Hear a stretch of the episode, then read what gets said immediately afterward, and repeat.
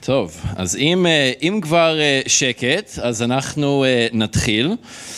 ואתם, אם עוד לא פניתם לשם עם התנ"כים שלכם, אתם יכולים לפנות כבר לבראשית פרק מ"ג, פרק 43. זה הפרק שאנחנו נהיה בו היום. אנחנו נסיים את הפרק, אנחנו נהיה מפסוק 16 עד פסוק 34, סדרה של חיי יוסף, אנחנו ממשיכים עם הסיפור של יוסף ושל האחים שלו. אה, במצרים. עכשיו בפעם הקודמת, רק לעשות איזושהי אה, תזכורת שוב פעם, בפעם הקודמת שאחי יוסף באו לקנות אה, דגן ותבואה במצרים, אם אתם זוכרים אז יוסף זיהה אותם, אבל הם לא זיהו אותו בכלל. ומבחינתם, מבחינת האחים, אם אנחנו מסתכלים על זה רגע משתי נקודות הזווית או שתי נקודות הראות, אז מצידם של האחים, המסע הראשון הזה היה מאוד מוזר והיה מאוד מסתורי אפילו מבחינתם, מאוד מאוד משונה, דברים, קרו דברים מאוד יוצאי דופן. קודם כל, שליט מצרים, זה שאחראי על כל העניינים, בעל הבית מה שנקרא, התנפל אליהם בלי, שום איזה, בלי איזושהי אה, סיבה אה, נראית לעין. אבל הוא נטפל אליהם, הוא האשים אותם שהם מרגלים, הוא פקפק ולא האמין בזה שהם כולם אחים אה, ביחד.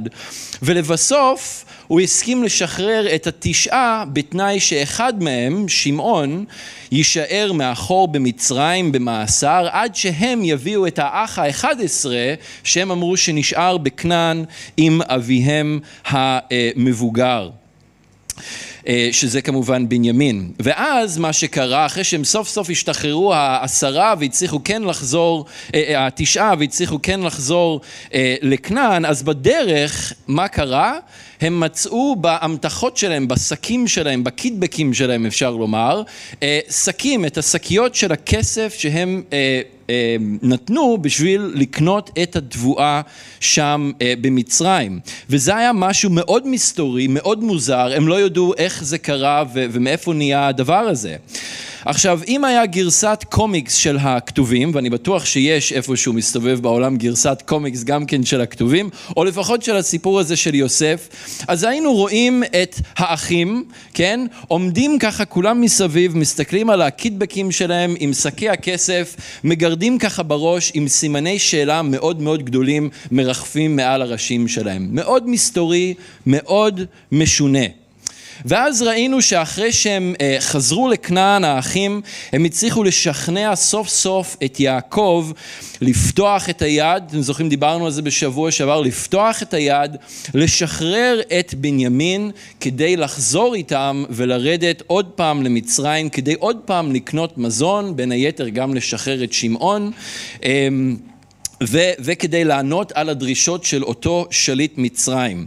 אז הם יוצאים לדרך והם מתכוונים או הם מבינים שהם הולכים עוד פעם אה, לפגוש את השליט המסתורי הזה של מצרים, שאנחנו יודעים אה, שזה יוסף כמובן והם עוד לא יודעים את זה. אז מה יחכה להם הפעם במסע הזה? איך ייראה המסע, המפגש הזה במצרים? מצדו של יוסף לעומת זאת, אז הוא זיהה את האחים שלו בביקור הראשון והוא הכיר אותם היטב. אמרנו שיכול להיות שהוא הבין שבאיזשהו שלב הם יגיעו בגלל הרעב שפקד את כל הארץ, את כל האזור, אז הוא הבין שכנראה באיזשהו שלב מישהו מהמשפחה יגיע כדי אה, לקנות גם כן תבואה במצרים. וכשהם הגיעו, אז הוא ראה אותם, הוא זיהה אותם והוא ידע ישר מי הם. הוא ראה איך שהאחים התבגרו עוד קצת קמטים, עוד קצת אה, שערות אה, לבנים אה, על הראש, בכל זאת עשרים ומשהו שנה עברו מאז שהוא ראה אותם בפעם האחרונה. אבל הוא גם ראה עוד משהו אצל האחים, הוא ראה ניצנים של שינוי. ואני בטוח שכל התקופה הזו הוא תוהה לעצמו מה קורה עם האחים שלי, מה קורה איתם, האם הם השתנו, האם משהו השתנה ואם אתם זוכרים במפגש הראשון אז הוא כן ראה ניצנים של שינוי. כשהוא שמע אותם והבין אותם מדברים בינם לבין עצמם והם אומרים מה זה הרעה הזאת שבאה אלינו? והוא מתכוון לזה שהוא נטפל אליהם ושואל אותם שאלות ומפקפק בהם ולא מאמין בהם ומאשים אותם בזה שהם מרגלים. אמ, אז הוא שמע אותם מדברים בינם לבין עצמם ואומרים הדבר הזה בא עלינו בגלל מה שאנחנו עשינו ליוסף.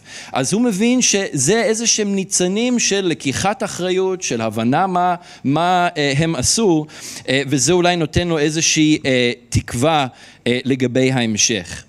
ועכשיו הם, האחים, מגיעים חזרה בפעם השנייה. הם עושים את המסע מכנען חזרה למצרים, הפעם גם עם בנימין, ויוסף רוצה לבחון אותם. יוסף רוצה לבחון אם באמת חל בהם שינוי אמיתי, או משהו חולף ועובר ולא באמת משהו, אה, אה, שינוי אמיתי בתוכם. עכשיו המפגש הזה בפעם השנייה זה מפגש שמלווה ברגשות עזים, עזים מאוד, אנחנו נראה את זה בתוך הקטע, גם מצד האחים וגם מצידו של יוסף, תחושות שונות, רגשות אה, שונים, אבל אנחנו נראה שהרגש פה משחק תפקיד מאוד אה, גדול, אה, ואנחנו נראה גם איך כל אחד מהם, גם האחים וגם יוסף, התמודד או התמודדו עם השטף הזה של הרגשות שפקדו אותם. אז בואו נקרא מפסוק 16 בראשית מ"ג. וירא יוסף איתם את בנימין, הם מגיעים והוא רואה את בנימין איתם. ויאמר לאשר על ביתו, הבא את האנשים הביתה, וטבוח טבח, והכן, כי איתי יאכלו האנשים בצהריים. ויעש האיש כאשר אמר יוסף, ויבא האיש את האנשים ביתה יוסף. ויראו האנשים כי הובאו בית יוסף, ויאמרו על דבר הכסף השב באמתחותינו בתחילה, אנחנו מובאים, להתגולל עלינו ולהתנפל עלינו, ולקחת אותנו לעבדים ואת חמורנו, לא לשכוח את החמורים. ויגשו אל האיש אשר על בית יוסף, וידברו אליו פתח הבית. ויאמרו בי אדוני, ירוד ירדנו בתחילה לשבר אוכל. ויהי קיוונו אל המלון ונפתחה את אמתחותינו והנה כסף איש בפי אמתחתו כספנו במשקלו ונשב אותו בידינו וכסף אחר הורדנו בידינו. לשבר אוכל לא ידענו מי שם כספנו באמתחותינו. ויאמר שלום לכם אל תיראו. אלוהיכם ואלוהי אבותיכם נתן לכם מטמון באמתחותיכם. כספכם בא אליי. ויוצא אליהם את שמעון. ויבא אה, האיש את, את, את, אה, ויבא האיש את האנשים ביתה יוסף ויתן מים וירחצו רגליהם ויתן מספו לחמוריהם ויכינו את המנחה עד בו יוסף בצהריים כי שמעו כי שם יאכלו לחם ויבוא יוסף הביתה, הביתה ויביאו לו את המנחה אשר בידם אה, הביתה וישתחוו לו ארצה וישאל להם לשלום, ויאמר השלום אביכם הזקן אשר אמרתם, העודנו חי? ויאמרו שלום לעבדך, לאבינו, עודנו חי, ויקדו וישתחוו. וישא עיניו וירא את בנימין אחיו, בן אמו, ויאמר הזה אחיכם הקטן אשר אמרתם אליי, ויאמר אלוהים יחנך בני. וימהר יוסף כי נחמרו רחמיו אל אחיו, ויבקש לבכות, ויבוא החדרה, ויבח שמה. וירחץ פניו, ויצא, ויתאפק, ויאמר שימו לחם. וישימו לו לבדו ולהם לבדם, ולמצרים האוכלים איתו לבדם, כי לא יאכלון המצרים לאכול את העברים לחם, כי תועבה היא למצרים. וישבו לפניו הבכור כבכורתו, והצעיר כצעירתו, ויתמהו האנשים איש אל רעהו. וישא מסעות מת פניו אליהם, ותרב מסעת בנימין ממסעות כולם חמש ידות, וישתו וישכרו עמו. אז בואו נתפלל. אדון, אנחנו uh, באים לפניך ביחד, אנחנו מודים לך על היום הזה בשבוע, אדון, שאנחנו יכולים לבוא ביחד כמשפחה רוחנית. אדון, שאנחנו יכולים ביחד ללמוד את דברך, שאנחנו יכולים, אדון, ביחד וגם כיחידים לפתוח את הלבבות שלנו אליך, לפתוח את האוזניים שלנו אליך, לדברך ולרוחך. ולמה שאתה רוצה אה, לומר לנו הערב. אדון, אנחנו מודים לך שתמיד יש לך מה לומר לנו. אנחנו מודים לך שאתה אה, מוביל אותנו, אדון, במסע של ניצחון, אדון, ואתה מאפשר לנו, אדון, להשתנות מכבוד אל כבוד, ואתה נאמן לעשות בנו, להמשיך לעשות בנו את הפעולה הטובה שאתה התחלת באותו יום שאנחנו אמרנו לך כן. אז אנחנו מבקשים שגם עכשיו אתה תמשיך לעשות את הפעולה הטובה שלך בנו, ותן לנו, אדון, את היכולת לשמוע ולראות אה, ולהרגיש, אדון, אה, את מה שאתה אומר לכל אחד ואחת מאיתנו. אנחנו מודים לך שאתה איתנו ובינינו, בשם ישוע. אמן. אז זה, כמו שאמרנו, המסע השני מתוך שלוש שהאחים של יוסף יעשו אה, למצרים. בפעם הראשונה הם באו עשרה אחים ביחד, הפעם הם, אה, הם 11 בסופו של דבר, ובפעם הבאה שהם ירדו למצרים זה יהיה כבר עם כל החמולה, עם כל המשפחה, עם יעקב, עם הנשים או האימהות, והנשים של האחים, והילדים של האחים, וכל המשרתים, וכל אה, המקנה וכל מה שיש להם, ושם הם יישארו למשך יותר מ-400 שנה עד יציאת מצרים. עכשיו בפסוק 16 אנחנו פוגשים כאן את אה, יוסף, ויוסף לדעתי נמצא בעוד בוקר עמוס במצרים הרעבה. הוא משגיח והוא מנהל על חלוקת הדגנים לעם המצרי ולכל שאר העמים שבאים למצרים כדי לקנות אה, תבואה ודגן שם במצרים בשנים האלה של הרעב. ותוך כדי שהוא מתעסק בכל הרישומים ובכל הניהול של האירוע הענק והאדיר הזה, הוא נושא את העיניים שלו וסביר להניח שהוא חיכה, הוא חיכה כמה ימים ושבועות ואולי אפילו חודשים עד שהאחים יחזרו, ואני מניח שהוא הבין שהם יחזרו בסופו של דבר. אז הוא נושא את העיניים שלו, ומרחוק הוא רואה את האחים שלו מגיעים בשיירה עם החמורים שלהם בחזרה לארץ מצרים. והוא שם לב, אמנם מרחוק, אבל הוא רואה שגם בנימין נמצא איתם, שיש עוד מישהו ביחד איתם, שהם עשרה, הם עזבו תשעה, הם חוזרים עשרה, שמעון איתם, והוא הש... האח אה, השני. 12. אז הוא רואה עשרה שנמצאים שם, הוא מבין שבנימין נמצא איתם. אבל הוא בוחר שלא לפגוש אותם בדיוק באותו הרגע, אלא הוא מצווה לאיש שהיה על ביתו, וזה מעניין שעכשיו יוסף יש לו מישהו שנמצא על ביתו, פעם הוא היה על בית פוטיפר, במובן מסוים הוא גם מופקד על בית פרעה עכשיו, אבל עכשיו גם ליוסף יש מישהו שמופקד על הבית שלו. אז הוא אומר לאותו איש, אותו אה, עבד או משרת נאמן שהיה על בית יוסף, לקחת את האחים, לפגוש אותם, ולהוביל אותם לבית שלו, לטבוח חיה ולהכין ארוחה מפוארת כדי לאכול ביחד איתם ארוחת צהריים. אז העבד הנאמן אנחנו רואים עושה בדיוק את מה שיוסף אומר לו לעשות. אבל תשימו לב מיד לתגובה של האחים כשהם מגיעים והאיש שהיה אמון על הבית אה, לוקח אותם. כתוב ויראו האנשים בפסוק 18. הם מפחדים. כשהמשרת של יוסף מוביל אותם לא לשטח של המסחר של כל התבואה שבטח היה שם, אלא הם רואים שהם מובלים לאיזשהו בית, ארמון מאוד גדול ומפואר, הם ישר מתמלאים בפחד. אה, הם חושבים ישר, הם ישר גם קושרים את זה איכשהו לעניין של הכסף שהם מצאו בשקים שלהם, נכון? רואים את זה בפסוקים האלה.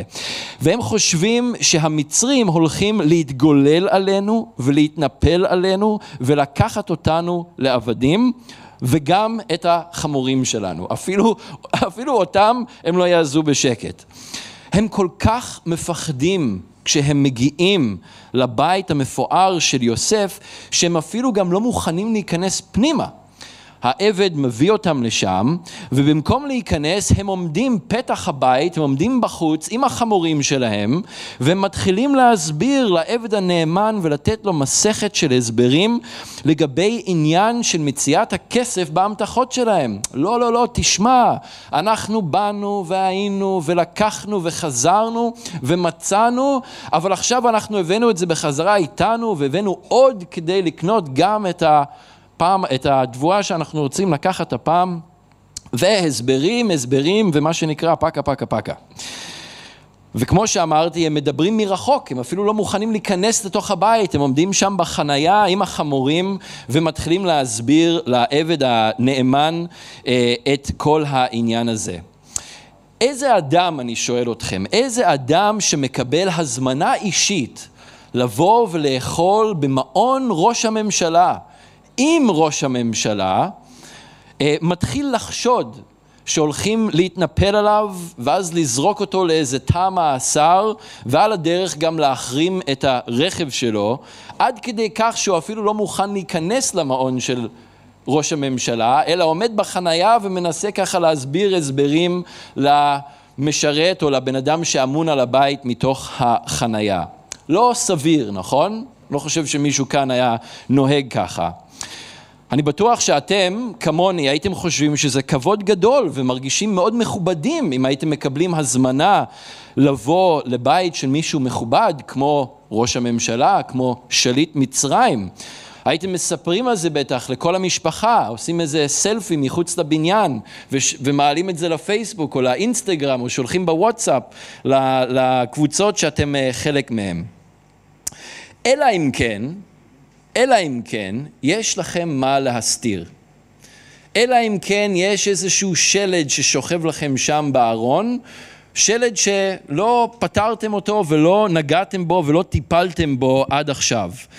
ואז כשזה קורה, אז אפשר להבין גם שזה מוביל לכל מיני המצאות לא מציאותיות על התנפלויות ועל עבדות ועל גניבה של חמורים. כאילו ששליט מצרים זקוק לחמורים של כמה רועי צאן מארץ כנען. בחייכם.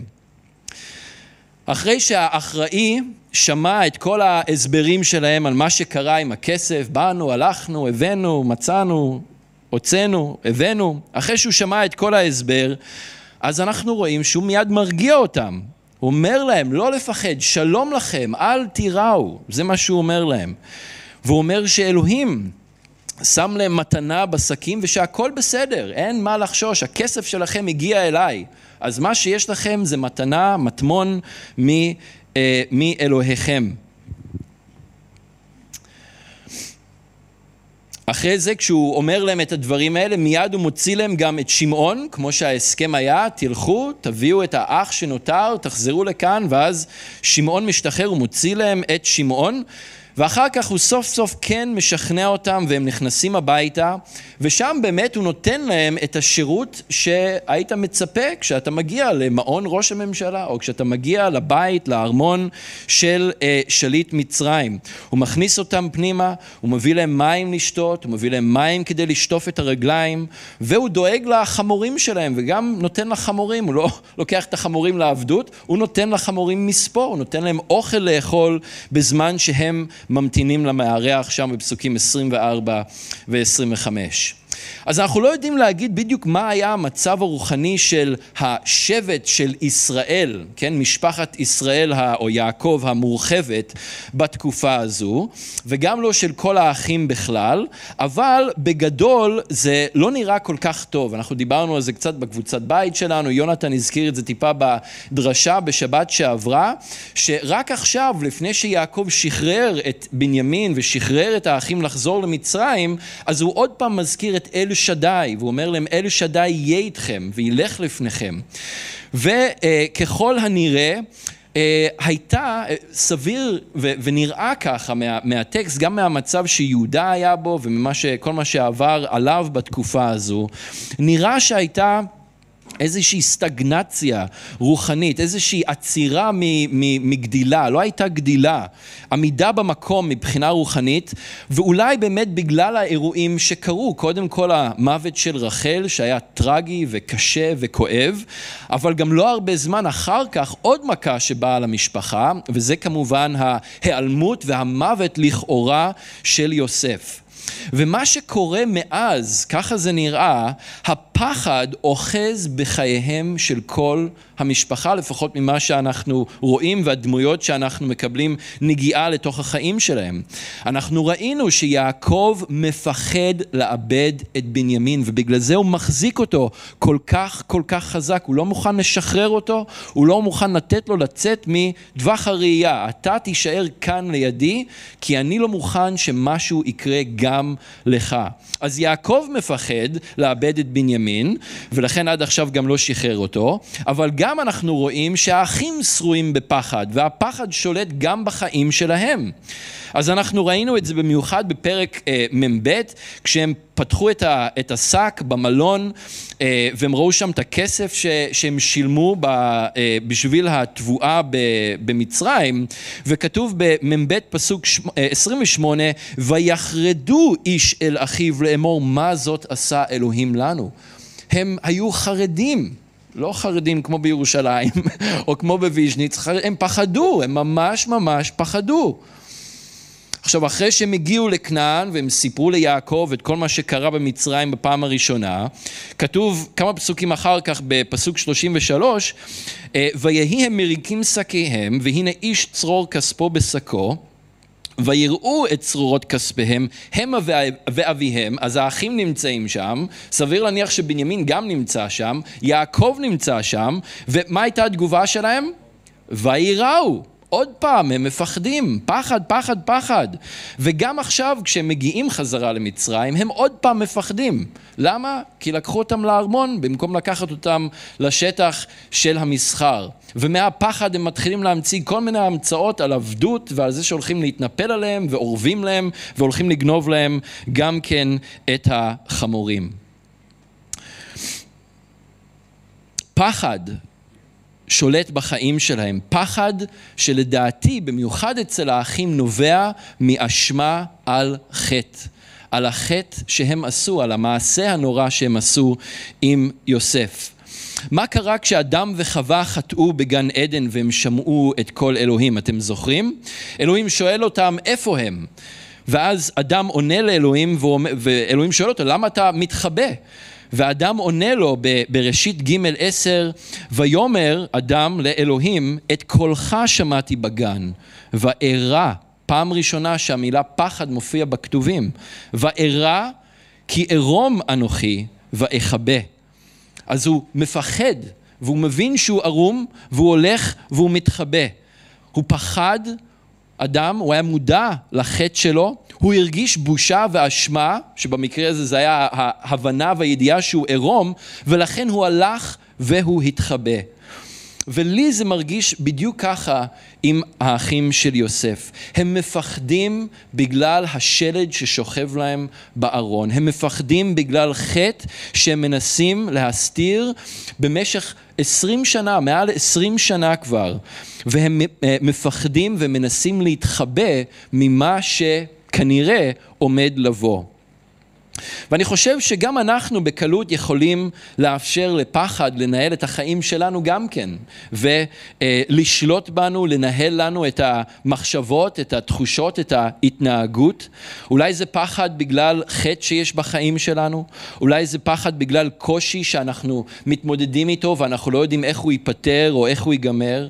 אולי זה פחד מאכזבה, לאכזב אחרים או שאחרים יאכזבו אותנו. אולי זה פחד כי אתם לא מרגישים אה, שאלוהים קרוב אליכם ואתם מרגישים לבד או פגיעים, זה יכול להיות כל מיני סיבות. במקרים ש... במקרה של אה, אחי יוסף מדובר על השלכה ישירה של החטא שלהם, חטא שהם מנסים להסתיר כבר תקופה ארוכה. הם קינאו ביוסף, הם שנאו אותו עד כדי כך שהם לא יכלו לברך אותו לשלום, אם אתם זוכרים בפרק, אה, תחילת פרק ל"ז, וזה הביא אותם בסופו של דבר למצב שהם רצו והתכוונו והיו מוכנים להרוג אותו, לרצוח את יוסף, אבל בסוף הם פשוט מכרו אותו למצרים, אבל אז הם גם שיקרו לאבא, ליעקב, ואמרו שחיה רעה טרפה אותו, והם היו עדים לסבל וליגון ולכאב העמוקים והנוראים והארוכים, עשרים שנה, שיעקב נמצא באבל בגלל בנו יוסף, והם רואים את זה, והם רואים אותו יום יום. אני מאמין שהבושה והאשמה אכלה אותם מבפנים יום יום.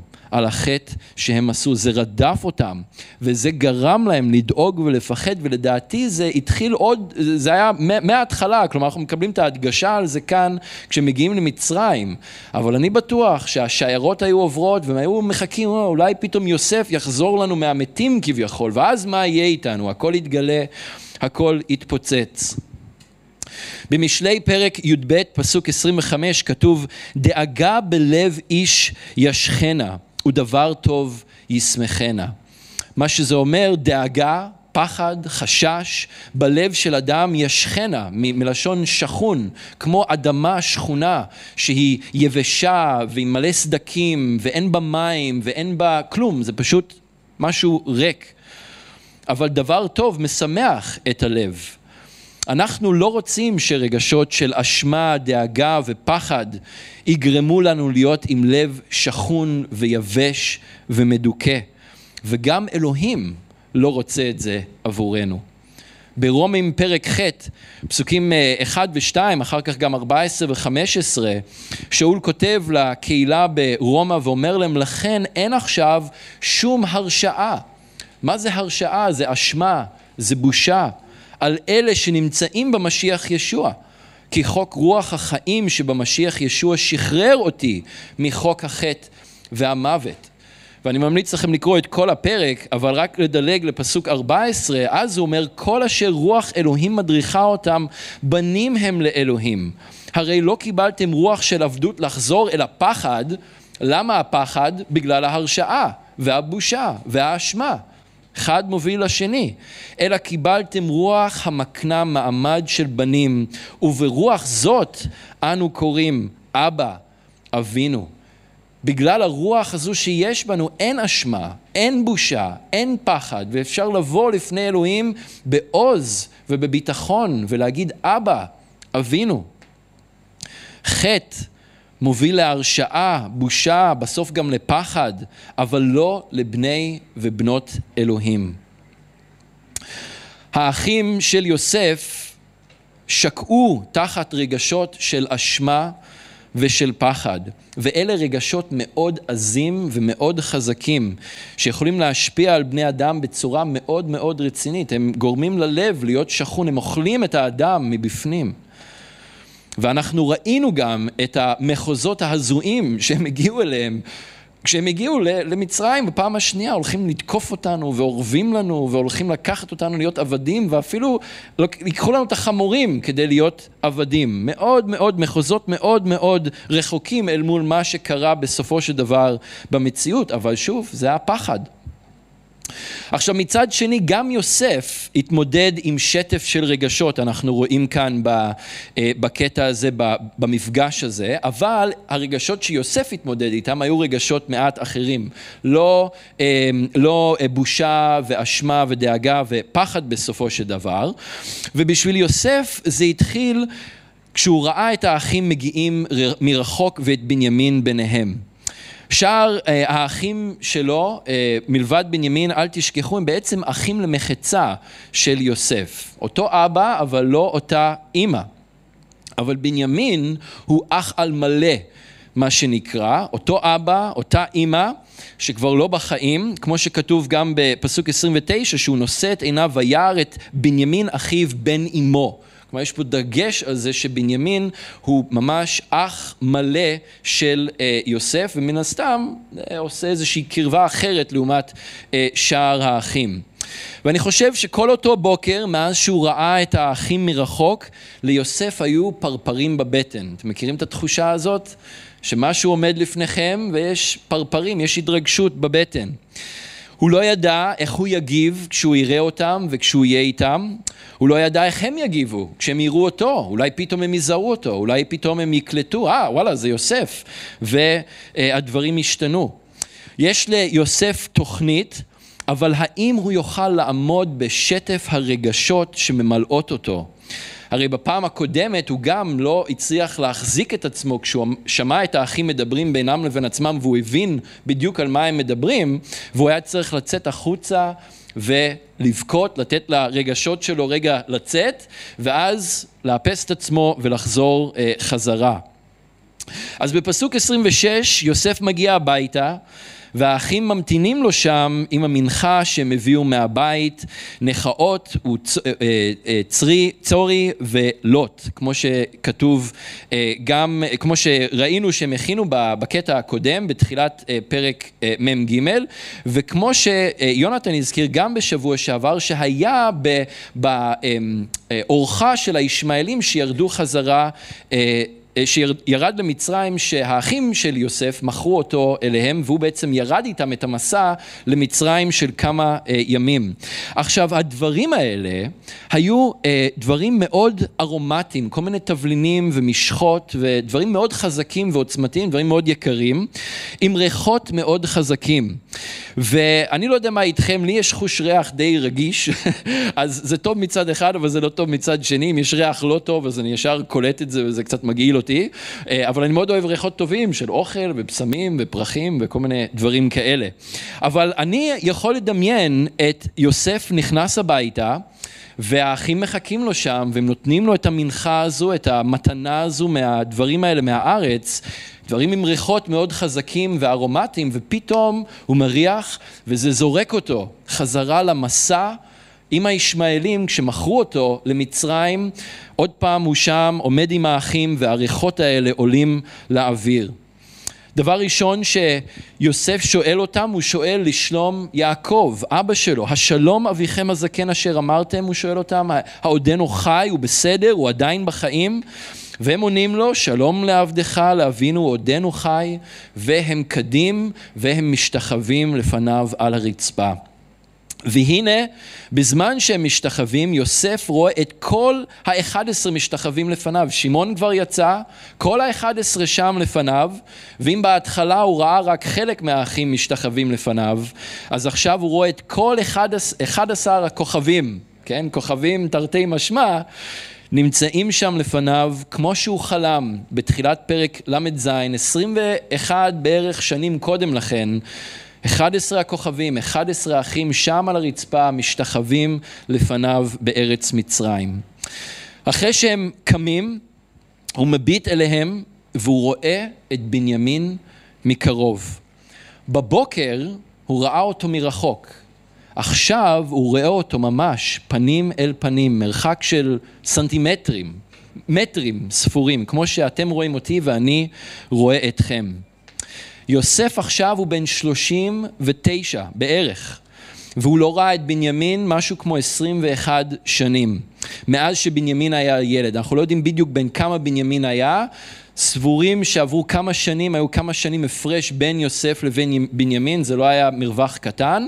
אומרים איפשהו בין השש לעשר שנים הפרש ביניהם, וזה אומר שהנה עכשיו מולו, אם יוסף ראה אותו בפעם האחרונה כשהוא היה בן שמונה, תשע, עשר, משהו באזור הזה, עכשיו עומד מולו גבר בן שלושים.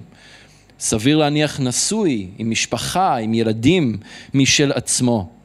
יוסף רואה אותו, ובפסוק 29 הוא שואל, זה האח שאמרתם? הוא לא, הוא לא מזהה אותו, הוא לא ראה אותו 21 שנה, עכשיו הוא עם זקן, והוא בחור כארז בטח.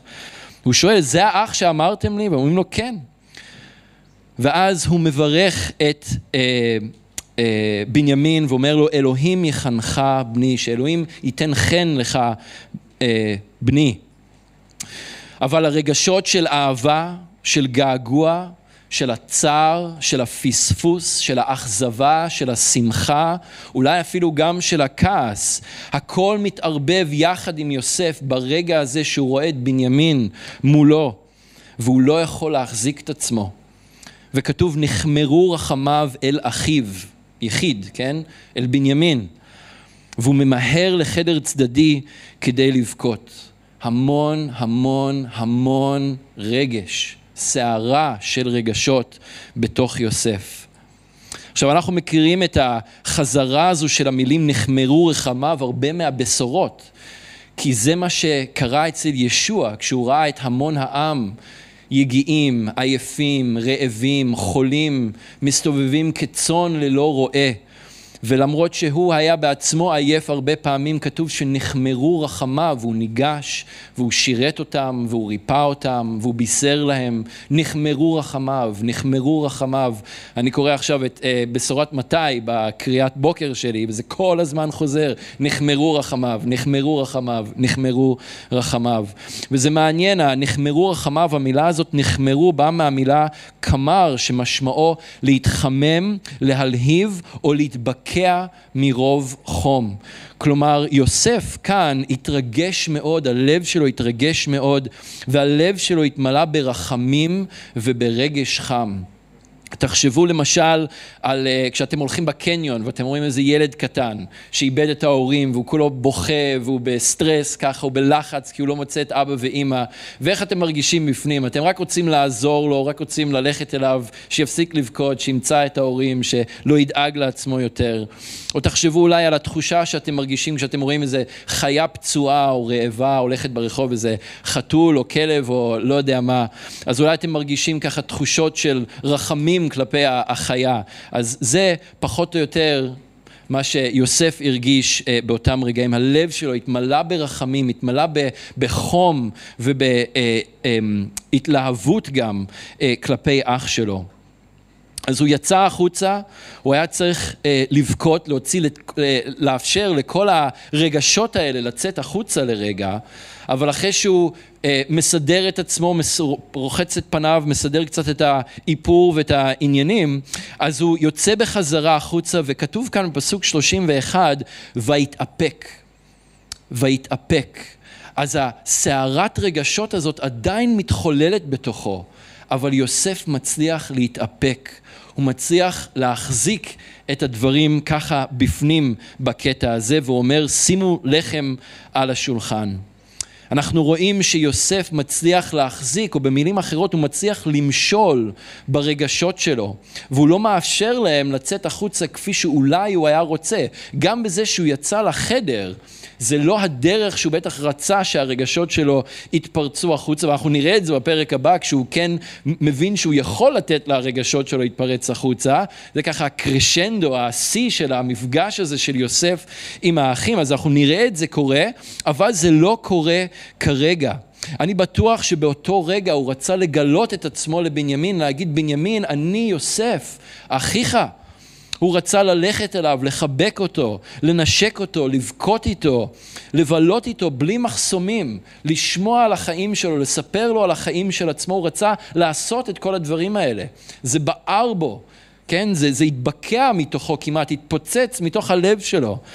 אבל הוא לא, יוסף לא מאפשר לרגשות שלו למשול בו, אלא הוא מושל והוא מחזיק ומנהל את הרגשות שלו.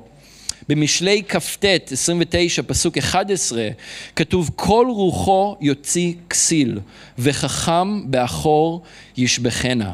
כלומר, אדם שהוא לא נבון, או כסיל במילים של התנ"ך, מאפשר לכל מה שהוא מרגיש לצאת כל הזמן. אין מעצורים, אין מחסומים.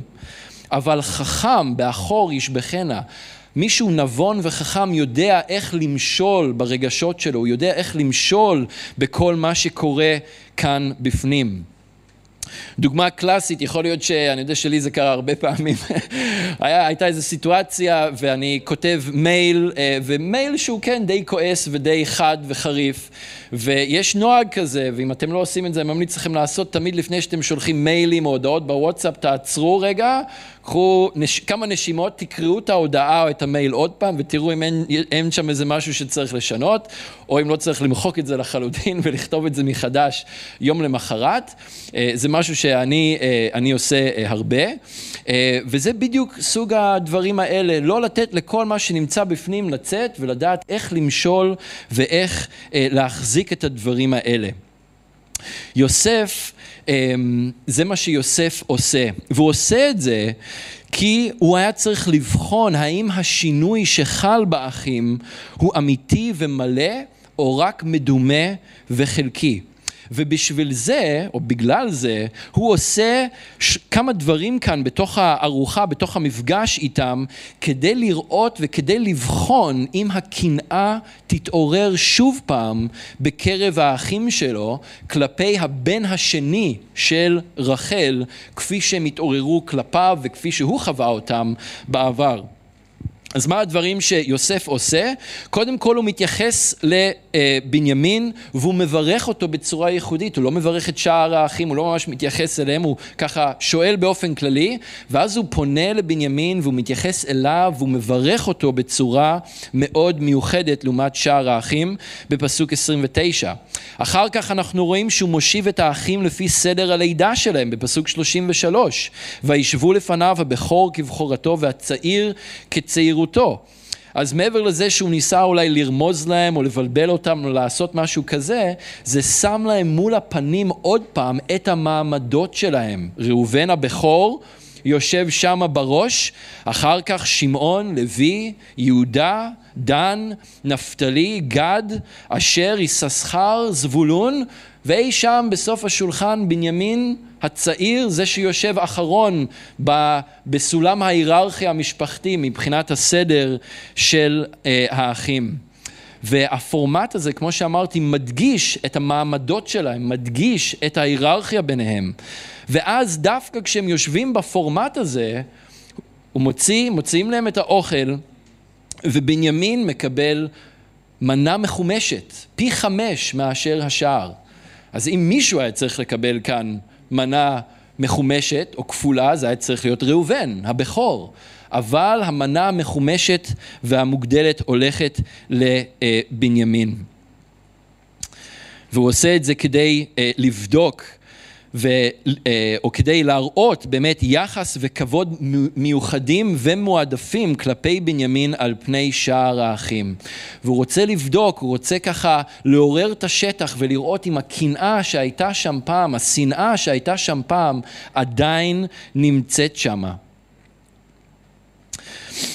האם זה יתעורר עוד פעם כלפי בנימין? האם גם הפעם הם ירצו להיפטר מבן רחל השני ולהשאיר אותו במאסר למות כשיתגלה בהמשך שגביע הכסף של שליט מצרים נמצא בתוך השק שלו, זה מה שיוסף מתכנן, אנחנו נראה את זה בשבוע הבא. אז את הדברים האלו, את התשובות לשאלות האלה, אנחנו נראה בשבועות הבאים. וגם אנחנו נראה, כמו שאמרתי, שיוסף מגיע למצב שהוא כבר לא צריך להתאפק, והוא יכול לתת לרגשות שלו לצאת אה, החוצה, אבל הזמן הזה כתוב ויתאפק. יוסף כן מתאפק, למרות שהוא רוצה לפתוח את הכל שם, הוא כן גובר על סערת הרגשות שמתחוללת בתוכו, והוא כן מצליח למשול בדברים האלה. עכשיו, זו נקודה חשובה, רגשות זה לא דבר רע. כן? אנחנו אנשים רגשיים כי ככה אלוהים ברא אותנו. אבל העניין פה זה לא שהרגשות מושלים בנו, אלא שאנחנו יכולים למשול ברגשות שלנו. רק איזושהי הערה לגבי, סד... לגבי הישיבה כאן של יוסף אה, בנפרד מהמשרתים ובנפרד מהאחים, בעצם יושבים בשלוש שולחנות נפרדים בתוך החלל הזה, אה, וזה פשוט נובע מהקסטות או מהמעמדות שהיו נהוגות בארץ מצרים, אה, אז המעמד המלוכה לא היה אוכל עם המשרתים או מי שהיה מתחתיהם, היה שם כל מיני מעמדות חברתיים, ממש דומה למה שיש בהודו היום עם הקסטות, וגם גם אה, משהו דומה לזה אנחנו גם רואים בברית החדשה ועדיין איפשהו היום שיהודים לא היו מוכנים לאכול עם אה, גויים. אז זה פשוט משהו שהיה נהוג שם במצרים ולכן אה, יוסף יושב בשולחן נפרד משלו שאר העבדים שלו יושבים בשולחן נפרד משלהם והאחים יושבים בשולחן נפרד משלהם. ככה כדי לסכם ולהביא את הדברים האלה ביחד. במשלי כ"ה, עוד פעם במשלי, פסוק 28 כתוב, עיר פרוצה אין חומה, איש אשר אין מעצור לרוחו. איש שאין מעצור לרוחו, מי שלא יודע לעצור, למשול ברוח שלו, זה כמו עיר פרוצה. אדם שלא מצליח להראות ריסון עצמי, לרסן את הרגשות, את הדחפים, את הרצונות שלו, הוא כמו עיר פרוצה ללא חומה, חופשי נכנס וחופשי יוצא. אז מצד אחד אנחנו ראינו את רגשות האשמה והבושה והפחד שממש משלו בחיים של אחי יוסף וראינו לאן זה הוביל אותם, כל מיני מחוזות הזויים כאלה. מצד שני, אנחנו ראינו שיוסף הוא אדם שכן יודע למשול ברוחו. אגב, זאת לא פעם ראשונה, ראינו את זה גם עם הניסיון פיתוי של אשת פוטיפר, הוא ידע למשול ברגשות שלו, הוא ידע למשול בפיתוי מאוד גדול, בטח מבחינתו הוא ידע למשול אה, בדברים האלה ולרסן את הרגשות והדחפים והרצונות שלו. הרוח של יוסף התחממה בקרבו עד שהוא כמעט התבקע, ואולי הוא אפילו כן התבקע בזה שהוא יצא החוצה ובכה בחדר, אבל בזה שהוא עשה את זה ככה, הוא ריסן את עצמו והוא ריסן את הדרך שבה הרגשות שלו אה, התפרצו ויצאו החוצה, והוא ידע להתאפק כי זה לא היה הזמן עדיין, זה עדיין לא היה הזמן לאפשר לכל הדברים לצאת כפי שהם. וכמו שאמרתי, הרגש קיים אצל כולנו, אצל מי יותר, אצל מי פחות, ורגש זה דבר טוב, אבל הרגש לא יכול להיות השולט והרגש לא יכול להיות המנתב. אנחנו רוצים להיות אנשים שמושלים ברוח שלנו, כמו שמשלי כותב. אנחנו רוצים להיות אנשים שמושלים ברוחנו, שיודעים לגלות איפוק ומעצור משטף הרגשות שיכולים להתעורר בנו ולהציף אותנו בזמנים שונים, וזה קורה אצלנו בכל מיני מצבים, בבית, עם המשפחה, עם האישה, עם הבעל, עם הילדים, בעבודה, עם הבן אדם שחותך אותי בכביש, עם כל מיני מצבים אחרים, אנחנו מתמלאים ברגשות כאלה כל הזמן. אבל אנחנו לא רוצים לאפשר לרגשות האלה להתפרץ מאיתנו ככה, בלי מעצור ובלי אה, רסן. אנחנו לא רוצים לאפשר לרגשות של כעס או של תסכול להפוך למילים, למילים שפוגעות וזורות הרס סביבנו. אנחנו לא רוצים לאפשר לתאווה לנתב את המחשבות שלנו או את ההחלטות שלנו. אנחנו לא רוצים לאפשר לתחושות ורגשות של גאווה למלא את הלב שלנו, ככה שאנחנו מביטים באחרים בבוז וקוטלים ומורידים אה, אחרים. אנחנו לא רוצים לאפשר לפחד ולדאגה לשלוט בחיים שלנו ולהוביל אותנו למחוזות אה, רחוקים. אפרופו הסמינר של אחרית הימים, אפרופו תיאוריות קונספירציה למיניהם שרצות חדשות לבקר, לבקרים כמו פטריות אחרי הגשם, כל הדברים האלה יכולים להוביל אותנו למחוזות מאוד רחוקים אם אנחנו מאפשרים לפחד ולדאגה להוביל אותנו ולשלוט אה, בחיינו. אנחנו לא רוצים להיות אנשים שפועלים באימפולסיביות לפי הדחפים של הבשר, והבשר כולל גם את הרגשות האלה, אלא אנשים שיודעים לנתב ולתעל את הרוח שלנו, כלומר את הרגשות שלנו, לפי העקרונות של דבר אלוהים, לפי המצוות של אלוהים ולפי ההנחיה וההדרכה של רוח הקודש. והרבה פעמים זה לא קל. אני יודע את זה על עצמי, אולי, אולי אתם אלופים בזה, אני ממש לא. זה לא דבר שהוא קל, אבל אפשר, אפשר הכל בעזרתו שנותן בנו כוח. אמן? אז בואו נתפלל ונבקש מהאדון שיעזור לנו גם בתחום הזה בחיינו. אדון, אנחנו מודים לך על uh, דברך, אנחנו מודים לך, אדון, על רגש. אנחנו מודים לך, אדון, שאתה בראת בנו רגשות, כל מיני רגשות. אדון, ואנחנו מודים לך שרגש זה דבר טוב וזה דבר שהוא בא ממך. ויחד עם זאת, אדון, כמו שדברך מלמד, כמו שראינו גם היום, אדון, אנחנו לא רוצים להיות כאלה שמאפשרים לרגש לשלוט בנו, אנחנו לא רוצים להיות כמו עיר פרוצה ללא חומה, אנחנו לא רוצים להיות כאנשים כסילים שאין מעצור לרוחנו. אדון, אנחנו רוצים להיות אנשים שהרגש בוער בנו, רגש ואהבה קודם כל אליך ולדברך ולכל מה שהוא קדוש וטהור, אדון, ואחד כלפי השני.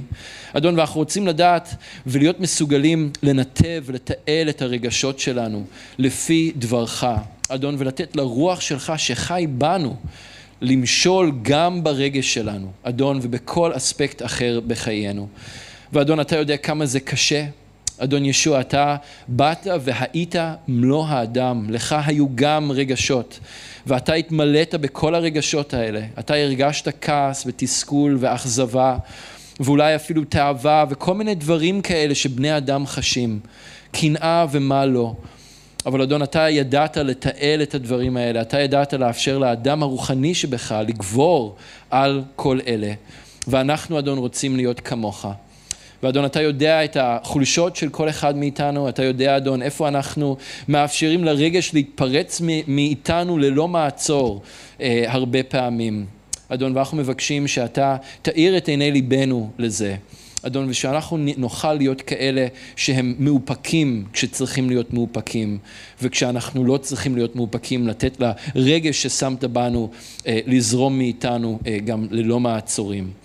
אנחנו מודים לך, אדון, ומודים לך שאתה הולך איתנו בדרך ומכשיר אותנו לכל מעשה טוב, בשם ישוע. אמן.